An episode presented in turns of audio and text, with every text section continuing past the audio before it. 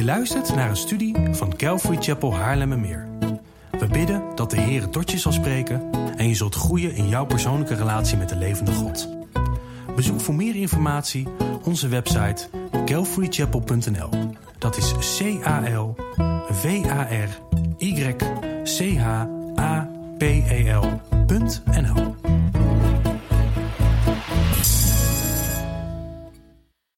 vanmorgen sluiten we onze studie in Spreuken af. En dan wel met een heel mooi stuk uit het laatste hoofdstuk, hoofdstuk 31. En dit hoofdstuk begint met deze woorden. De woorden van koning Lemuel. De last, oftewel de raad waarmee zijn moeder hem onderwezen heeft.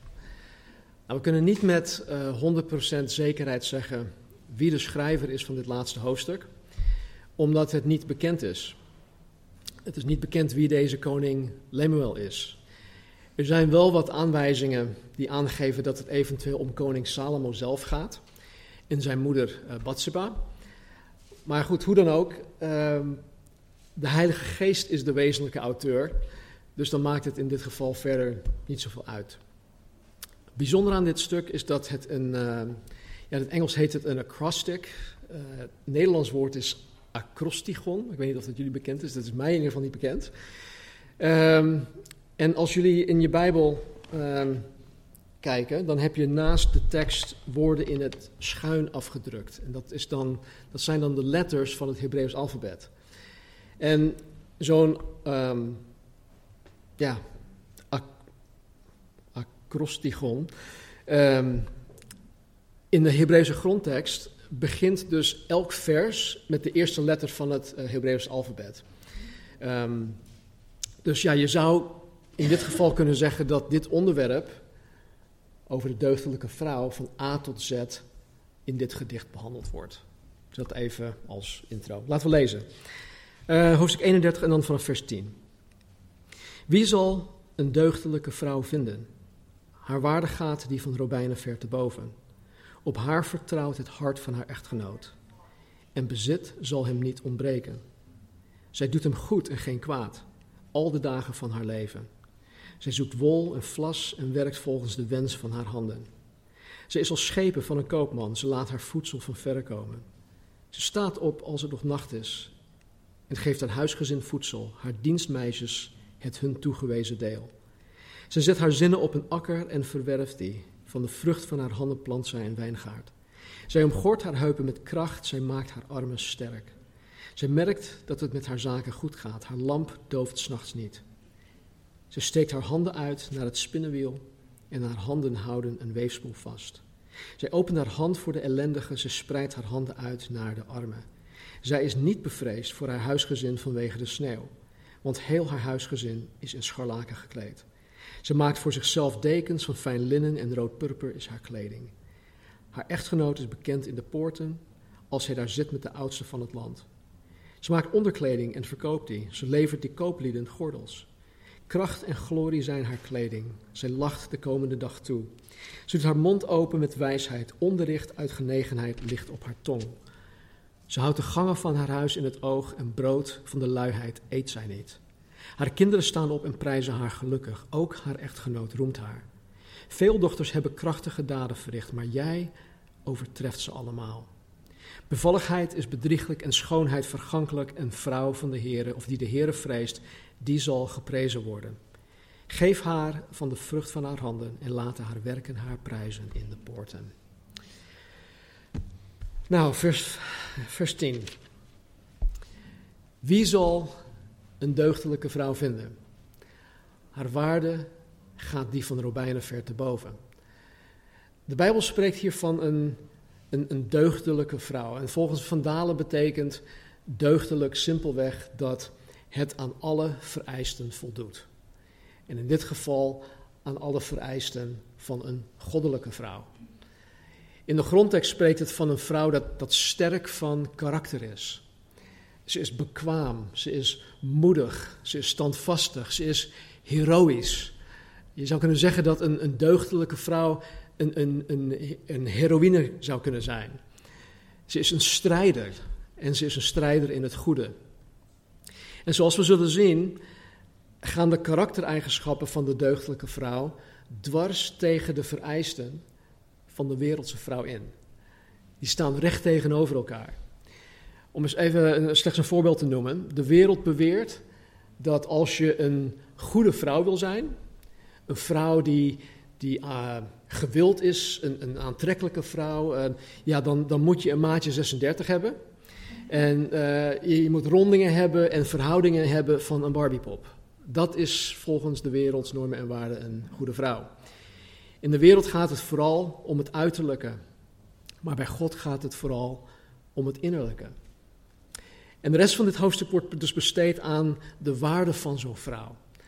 Uh, en hoe haar karaktereigenschappen tot uiting komen in haar dagelijks leven. Dus dit wordt geschreven um, vanuit het oogpunt van uh, de moeder van deze koning Lemuel. Dus jonge man of man, als je op zoek bent naar een vrouw, laat spreuken 31 jou leiden en niet je hartstocht. Word niet misleid door wat de wereld uh, je voorhoudt en wat de Satan je probeert wijs te maken. Ik heb helaas door de jaren heen te veel jonge mannen foute keuzes hierin zien maken. En het, het, het eindigt alleen maar in ellende voor beide partijen. Wie zal een deugdelijke vrouw vinden? Nou, deze retorische vraag impliceert dat zo'n vrouw zeldzaam is. Een deugdelijke vrouw, zoals hier omschreven wordt, is zeldzaam. Dat dergelijke vrouwen niet uh, voor het oprapen liggen. Maar in Christus, en dit is, dit is het, het mooie hiervan, in Christus kan elke vrouw een deugdelijke vrouw worden. Elke vrouw kan in Christus een deugdelijke vrouw zijn. En vandaar dat God ons dit schriftgedeelte ook heeft gegeven. Het staat hierin als, als iets dat ons hoort te motiveren om dit te gaan worden. En de bedoeling hiermee is dat het in de lezers um, een, een verlangen opwekt. Of om een dergelijke vrouw te vinden als, als man zijnde. Of om een dergelijke vrouw te willen zijn. Dat is de bedoeling van, van de schrijver hier. En het gaat hier om een ideaal. Het gaat hier om, om Gods ideaal. En zoals het ideaal voor de man in Efeze 5 is om zijn vrouw lief te hebben zoals Christus de gemeente lief heeft, is de beschrijving van de deugdelijke vrouw Gods ideaal voor een goddelijke vrouw. En zoals jij als, als vrouw dit um, in volmaaktheid um, of niet in volmaaktheid zou kunnen doen, um, kunnen wij mannen ook niet in volmaaktheid onze vrouwen liefhebben zoals Christus de gemeente heeft. Wij kunnen dat niet, wij zijn daar niet toe in staat. Het is Gods standaard. En dit is waar wij, waar wij naar moeten streven. Dus het, het, het neemt niet weg dat, dat ondanks dit onmogelijk lijkt, ondanks dat het eigenlijk onmogelijk is, is het en blijft het Gods standaard. Haar waarde gaat die van robijnen ver te boven. Zij is meer waard dan edelstenen. Oftewel, ze is meer waard dan alle andere zogenaamde rijkdommen dat de wereld te bieden heeft. Haar man zou absoluut niet kunnen zijn wie hij is. Haar man zou absoluut niet kunnen doen wat hij doet zonder haar. Hij is geheel afhankelijk van zijn vrouw in dat opzicht. Haar waarde gaat die van edelstenen ver te boven en dit zullen we eh, gaandeweg ook zien. Vers 11, op haar vertrouwt het hart van haar echtgenoot en bezit zal hem niet ontbreken. De, de innerlijke man, wie hij wezenlijk is, um, kan haar volledig en met een gerust hart in alles vertrouwen. Deze man kan zijn echtgenoot, echtgenote volledig en met een gerust hart in alles vertrouwen, want zij is te vertrouwen. Zijn algehele welzijn staat of valt op haar betrouwbaarheid. En wat hierin opvallend is, is dat buiten deze zin in vers 11 en nog één vers in Richteren, um, de Bijbel uh, verbiedt juist om je te vrouwen in iets of iemand anders te stellen behalve God. Alleen op twee plekken in de hele Bijbel zegt God dus dat je in iets anders kan vertrouwen. En in dit geval is het dat de man zijn vrouw geheel kan vertrouwen. En um,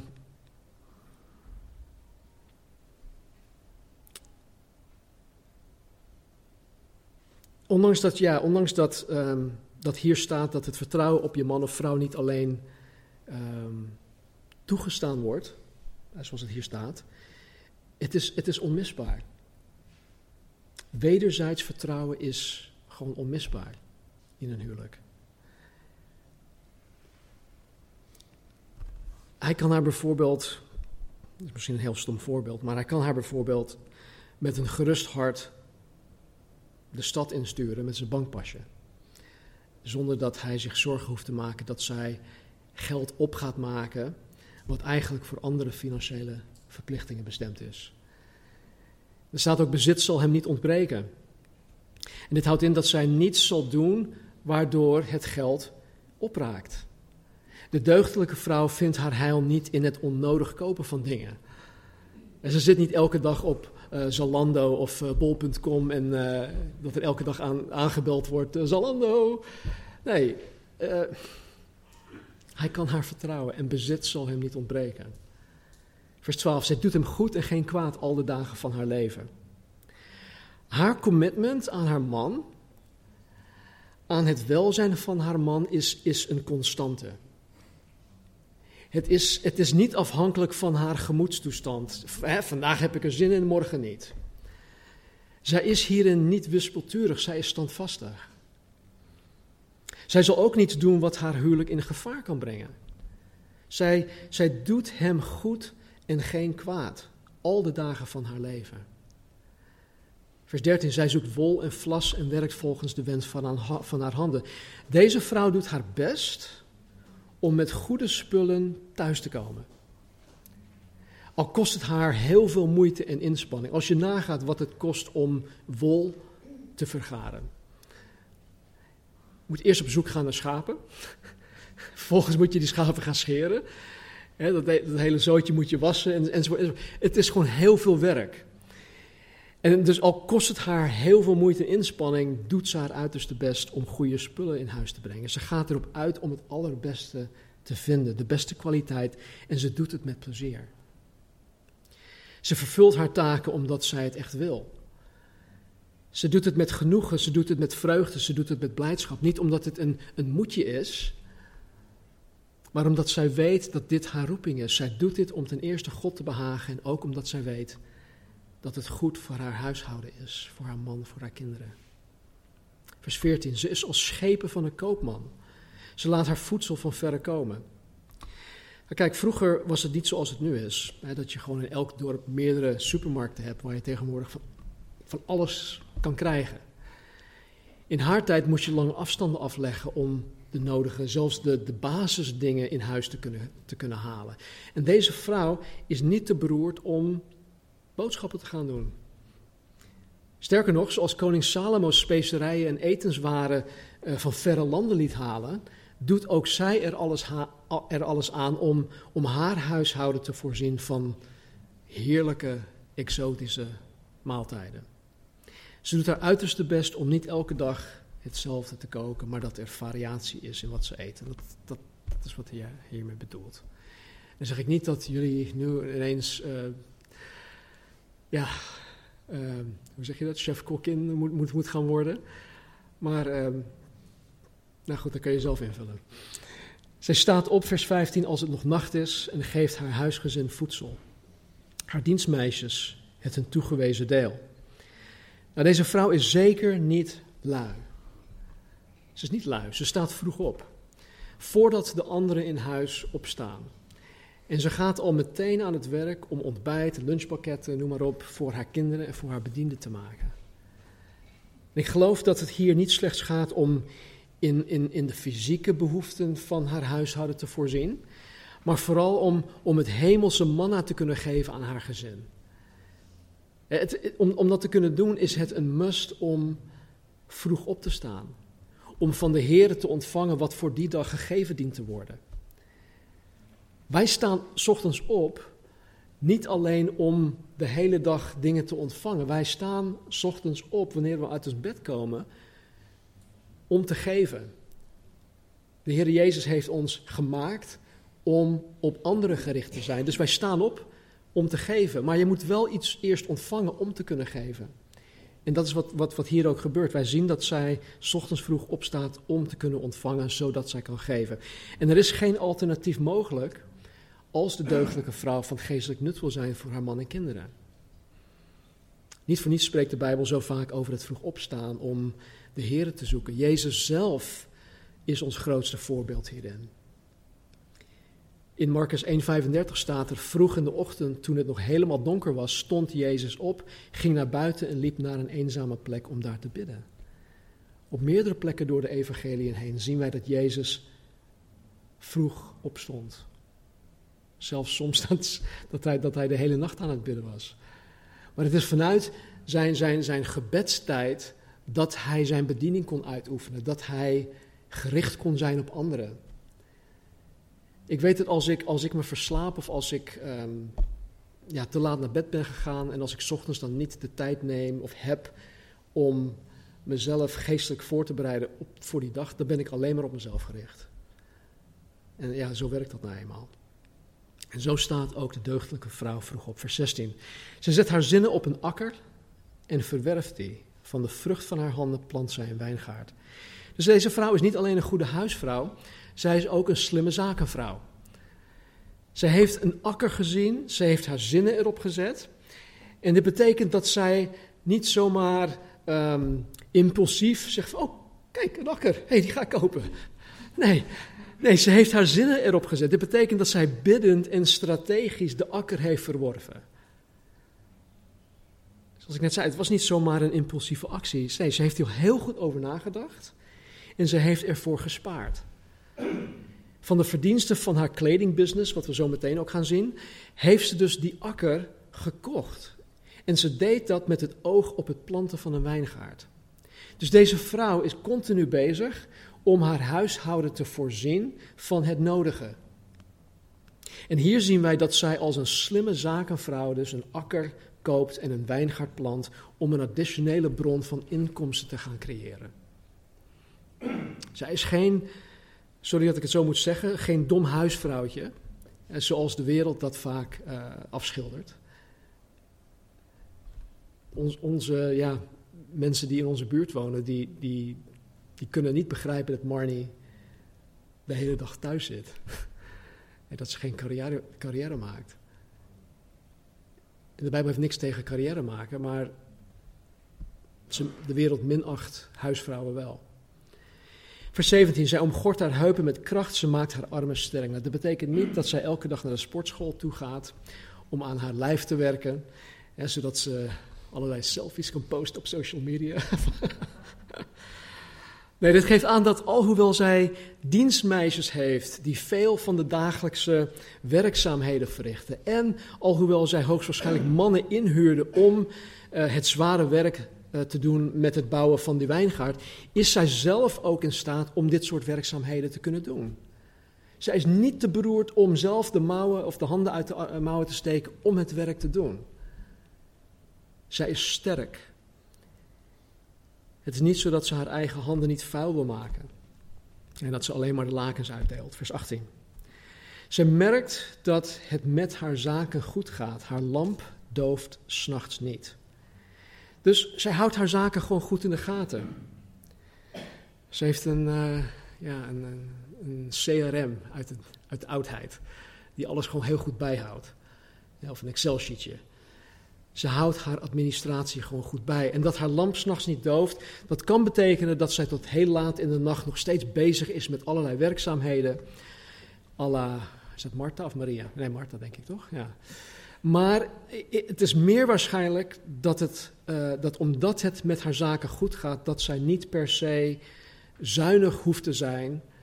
Um, en dat ze al heel vroeg haar lampen uit moet doen. Dus haar lamp dooft s'nachts niet. Ze steekt haar handen uit naar het spinnenwiel en haar handen houden een weefspoel vast. Nogmaals, deze deugdelijke vrouw deinst niet terug van hard werk. Ze is altijd effectief bezig. Ze opent haar hand voor de ellendige. Zij spreidt haar handen uit naar de armen.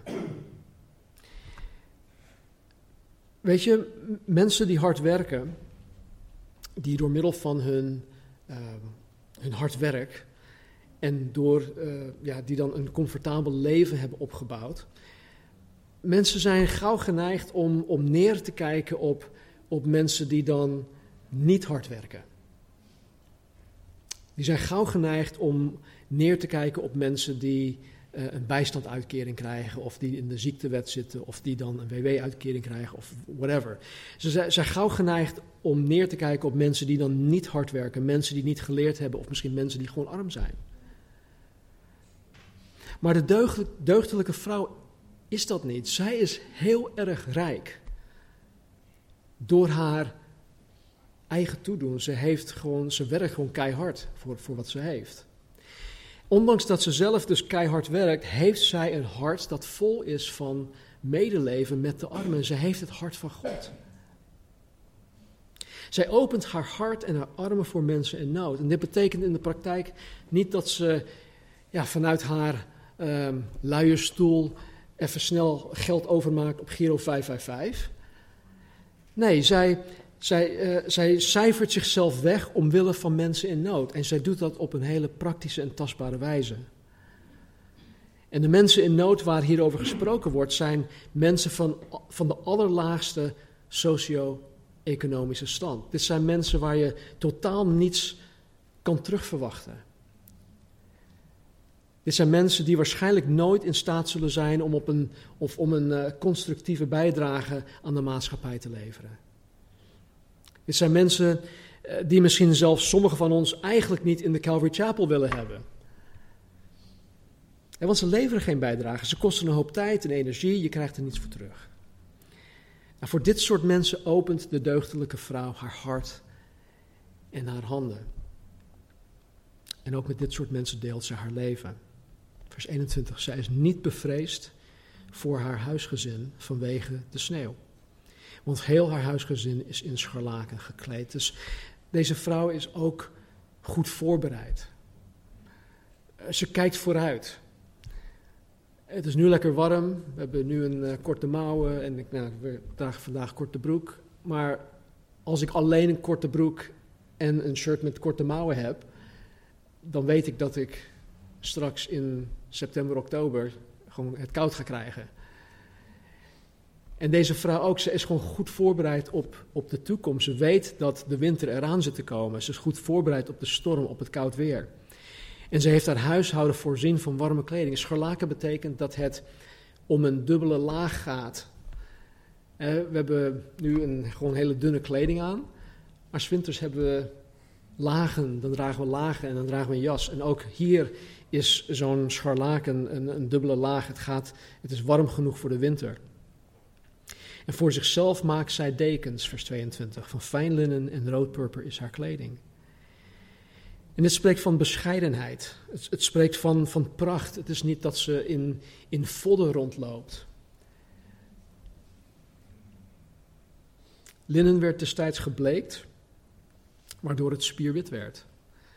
Waardoor linnen ook figuurlijk in de Bijbel gebruikt werd voor zuiverheid en voor gerechtigheid.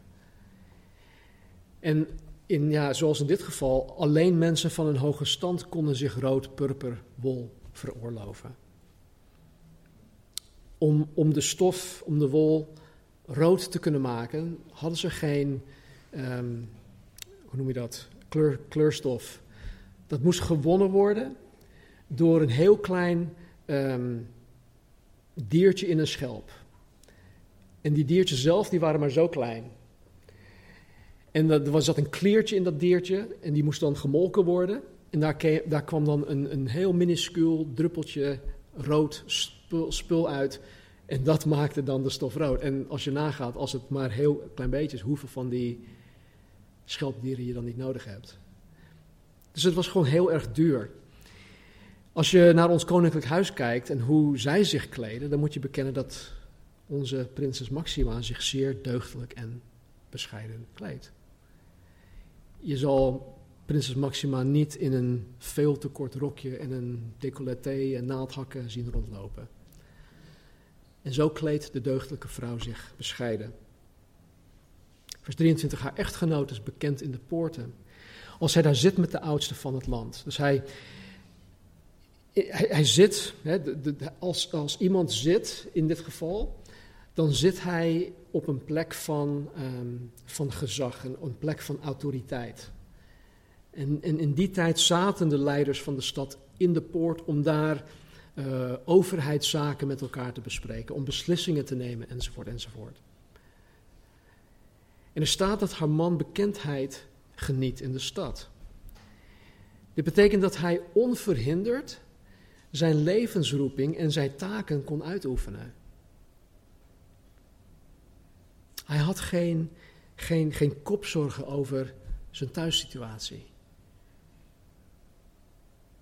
En dit betekent gewoon dat hij um, kon doen wat hij kon doen. Hij had geen, uh, hoefde zich geen zorgen te maken over de betrouwbaarheid van zijn vrouw, want zij was een deugdelijke vrouw.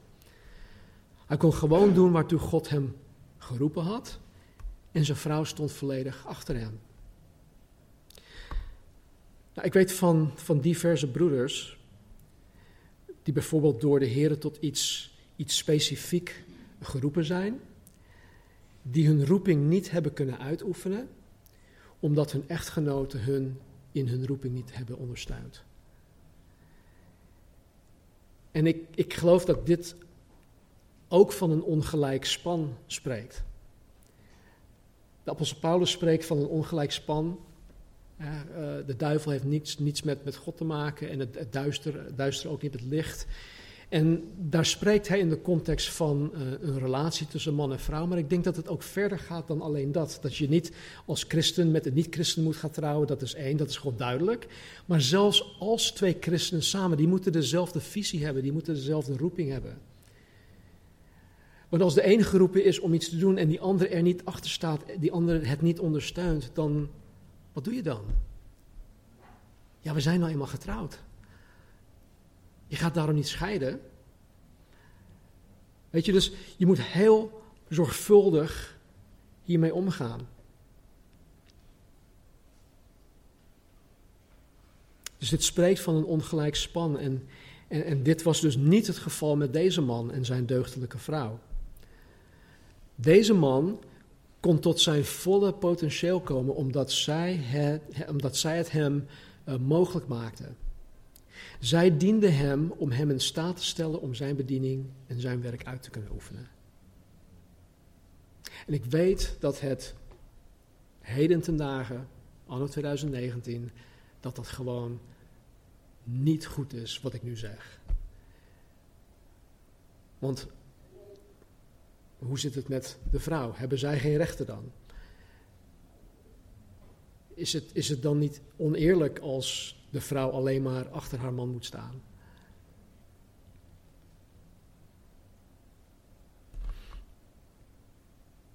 Zij maakt onderkleding en verkoopt die.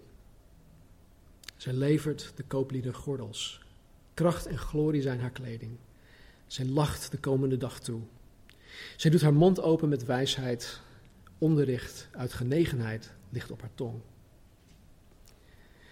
Ook hier, wanneer iemand hun eigen leven, hun eigen zaken op orde heeft, wanneer iemand zelf ook gewoon gedisciplineerd leeft, wanneer iemand zelf hard werkt en bekwaam is, dan kan zo'n persoon helaas zelfvoldaan, veroordelend naar de anderen kijken. En wanneer iemand deze instelling heeft, dan is het voor die persoon onmogelijk om zichzelf in anderen te kunnen um, verplaatsen. Dan hebben ze weinig of geen inlevingsvermogen, want ze gaan altijd uit van hun eigen situatie. Hun eigen bekrompen denkbeelden.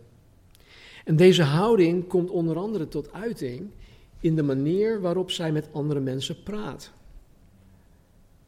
Het komt ook tot uiting hoe zij over andere mensen praat. Maar de deugdelijke vrouw is niet zo. Zij doet haar mond open met wijsheid. En dit betekent dat zij goed nadenkt, goed nadenkt voordat ze haar mond open doet. Zij overweegt de gevolgen van haar woorden en kiest haar woorden met zorgvuldigheid. Ook betekent dit dat zij haar mond in wijsheid soms ook gewoon dicht houdt. Dat ze niet zegt wat, wat ze zo graag wil zeggen. Vers 27. Ze houdt de gangen van haar huisgezin in het oog en brood van de luiheid eet zij niet.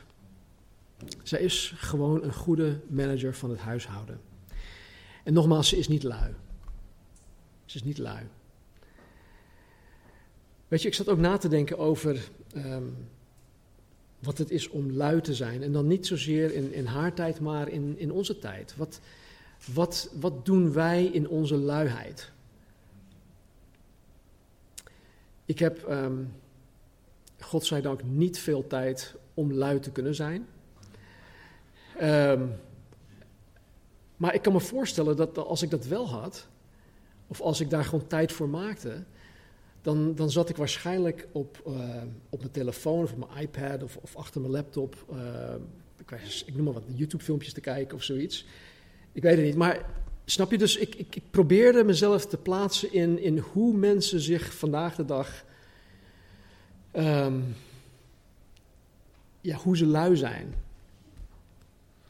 En ik dacht, ik dacht, ik dacht hieraan. De, een deugdelijke vrouw verspilt haar tijd niet op haar mobiele device.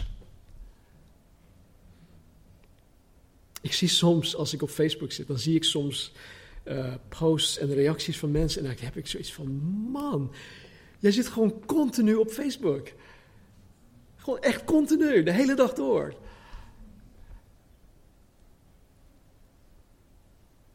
Maar de deugdelijke vrouw zit niet op Facebook of op Instagram of, op, of andere sociale media. Uh, misschien wel, maar niet ten koste van haar huishouden.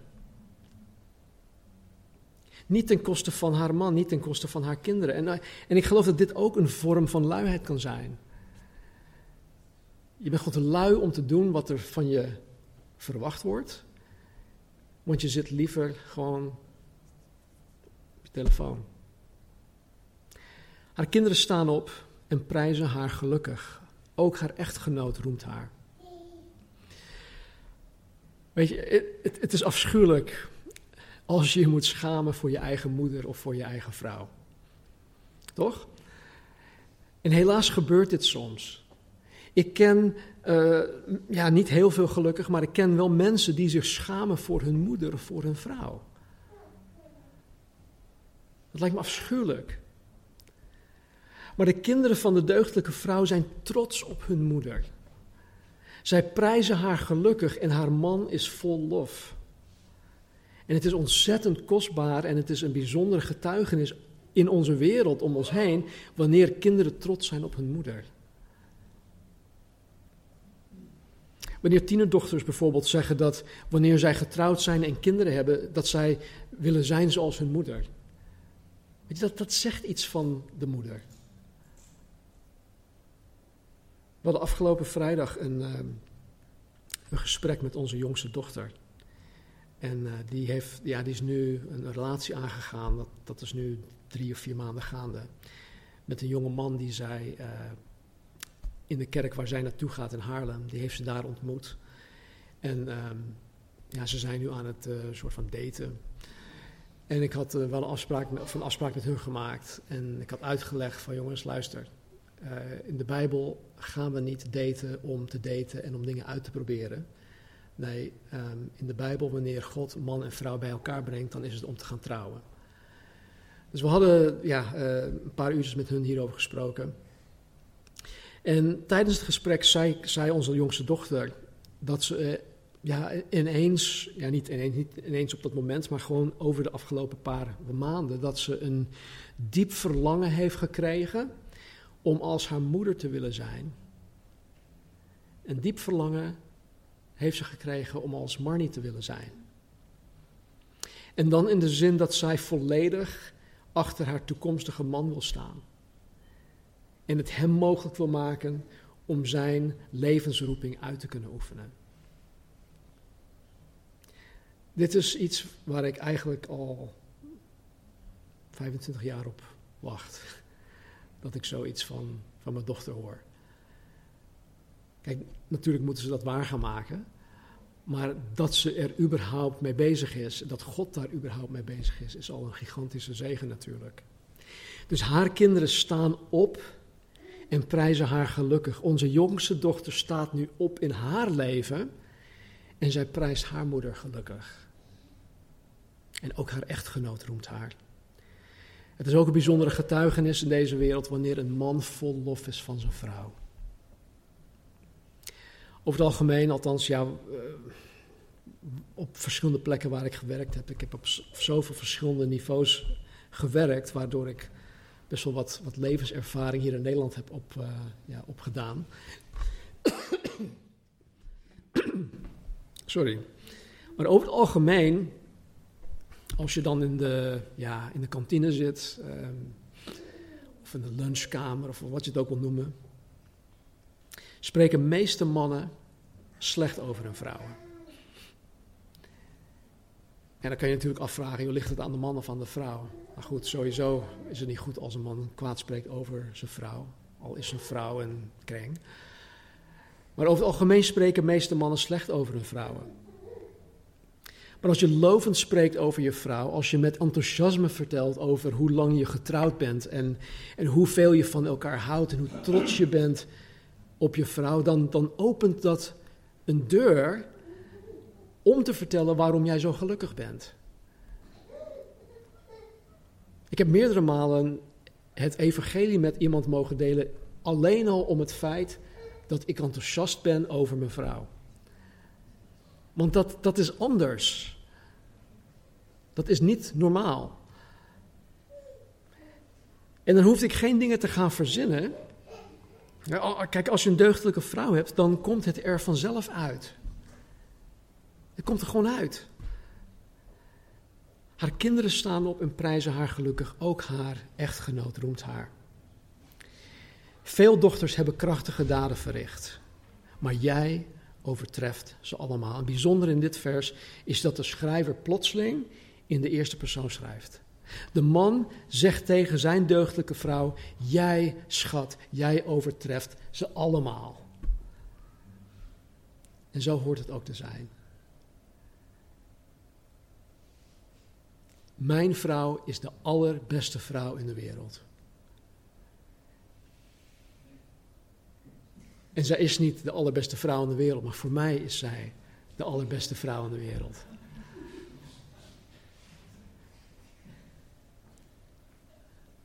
Jij overtreft ze allemaal. Wat een zegen. Bevalligheid of charme is bedrieglijk en schoonheid vergankelijk. Een vrouw die de Heer vreest, die zal geprezen worden. Zoals ik net zei, bevalligheid kan ook vertaald worden als charme. En hier zegt de schrijver dat charme bedrieglijk is. Jullie weten vast wel in je, ik weet niet, uh, middelbare schoolleeftijd of uh, je studietijd, wanneer een man en vrouw zich aan het begin van een relatie, uh, ja, wanneer ze aan het begin van een relatie staan, dan laten ze zich vooral ehm, van hun beste kant zien. En de charme waarover geschreven wordt, is iets dat een vrouw, vooral een vrouw, gebruikt om een man te versieren. Dat, dat gebeurt nou eenmaal. En als ze de man eenmaal, sorry dat ik het zo moet stellen, maar als zij de man eenmaal in haar klauwen heeft, en dan komt ja, de monkey out of the sleeve, dan komt de, aap uit de mouw, toch? Is dat goed? Charme is bedriegelijk. Charme is bedriegelijk. En schoonheid is vergankelijk. Als je ongezonde waarde hecht aan uiterlijke schoonheid, dan zal je op een gegeven moment zeer teleurgesteld worden. Want wij zijn nou eenmaal vergankelijk. Als ik bijvoorbeeld uh, op Facebook kijk naar vrouwen die ik uit de middelbare school uh, nog ken, uh, die ik misschien vroeger leuk vond omdat ze er leuk uitzagen, dan ben ik gewoon hartstikke blij. Dan zeg ik ook tegen, tegen Marnie, ik ben hartstikke blij dat ik met Marnie getrouwd ben. En het, het gaat mij niet zozeer om, om, om uiterlijke schoonheid, maar ja, want ik weet dat dat vergankelijk is. Ik kijk ook elke dag in de spiegel. Ik weet dat het vergankelijk is. Maar weet je, Marnie wordt in mijn ogen ieder jaar veel mooier. En dat meen ik oprecht. Ze wordt ieder jaar gewoon veel mooier. En dan niet om haar uiterlijke, maar omdat zij van binnenin een deugdelijke vrouw is. Ik zie soms wat oudere zusters in Christus, die dus echt zo vol van de Heer Jezus Christus zijn. Die zijn, uh, ja, ouder, misschien of 50, nee, uh, 70, 75, 80. Weet je, dus al op leeftijd. en ja, qua uiterlijk zijn ze misschien, uh, ja, hebben ze rimpels en dat soort dingen. En, maar weet je, sommige van die vrouwen die stralen iets zo moois uit. Iets dat zo zuiver is en zo puur. En, en dat is wat een, een deugdelijke vrouw juist zo mooi maakt.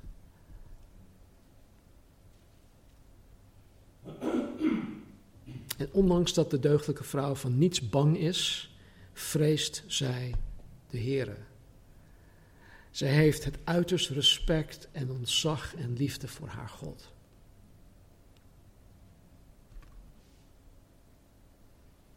Geef haar van de vrucht van haar handen en laat haar werken haar prijzen in de poorten. Dus de deugdelijke vrouw zal niet slechts door haar man en door haar kinderen geprezen worden, maar iedereen die haar kent zal haar prijzen. Nou, voordat je denkt dat je dit niet kan, of dat je dit niet kan zijn, wil ik je zeggen dat dit gewoon onmogelijk is. Het is, het is simpelweg onmogelijk. Zoals ik eerder zei, is dit Gods standaard. En zondig mens is hiertoe niet in staat. Maar ik heb goed nieuws. Als Salomo dit inderdaad geschreven heeft, dan denken sommige theologen dat hij dit over zijn moeder Batseba geschreven heeft. Batseba was in het begin verre van deugdelijk. Ze heeft overspel gepleegd met koning David. Door koning Davids toedoen is haar man vermoord.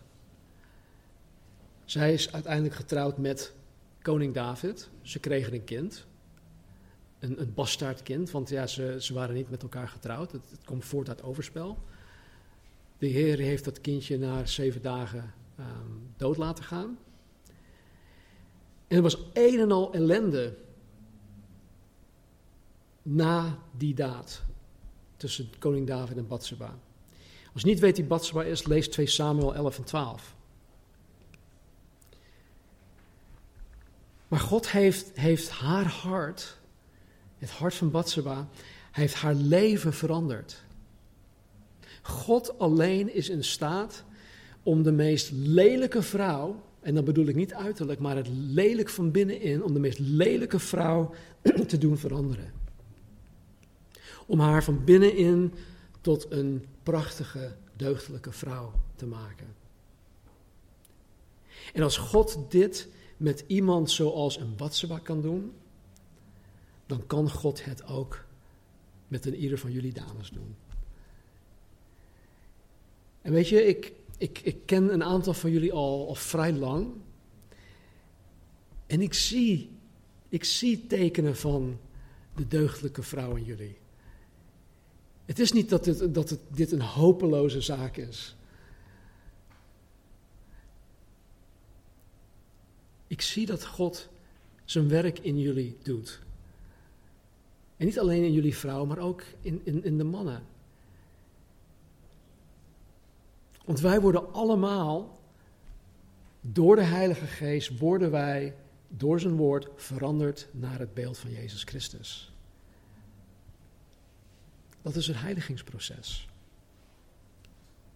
Dus als God dit met Batseba kan doen, dan kan God dit ook met jullie doen. En het goede nieuws is dat wij die Jezus navolgen, door de kracht van de Heilige Geest die in ons woont, in staat gesteld worden om dit te doen en om dit te worden. Dus wees vooral niet ontmoedigd hierdoor. Maar laat dit in jou een verlangen opwekken om hierna te willen streven. Iedereen in je nabije omgeving zal hier profijt van hebben. Laten we bidden. Hemelse Vader, dank u wel dat u zo goed bent om ons dit schriftgedeelte te geven. Dank u wel, Heer, dat uw Heilige Geest deze persoon heeft geïnspireerd om ja, deze woorden vast te leggen. Heer, dat vrouwen in Christus dit als standaard voor ogen kunnen hebben. Dit als uw maatstaf kunnen hebben. En Heer, ik bid alstublieft dat u onze vrouwen, Heer, alstublieft helpt. Ten eerste om niet ontmoedigd te zijn, om niet ontmoedigd te raken, maar juist, Heer, om zich uit te gaan strekken, uit te willen strekken naar wat u van hen verlangt, wat u van hen vraagt. En dat is om een deugdelijke vrouw te willen zijn. Dus Heer, ik dank u dat u ons niet alleen hebt gered om te blijven zoals we zijn, maar dat u ons hebt gered om ons te doen veranderen naar het beeld van ja, onze Heer Jezus Christus. Dus ik bid, Heer, dat u dat werk in ons zal volbrengen. Liefst, Heer, zo snel mogelijk. Leid ons, Heer, naar de situaties, levensomstandigheden, Heer, die ons uh, ja, ertoe zullen dwingen om door u veranderd te gaan worden. Doe uw werk. Heer, tot eer en glorie van de naam van Jezus. Dat vragen we uw naam, in Jezus' naam.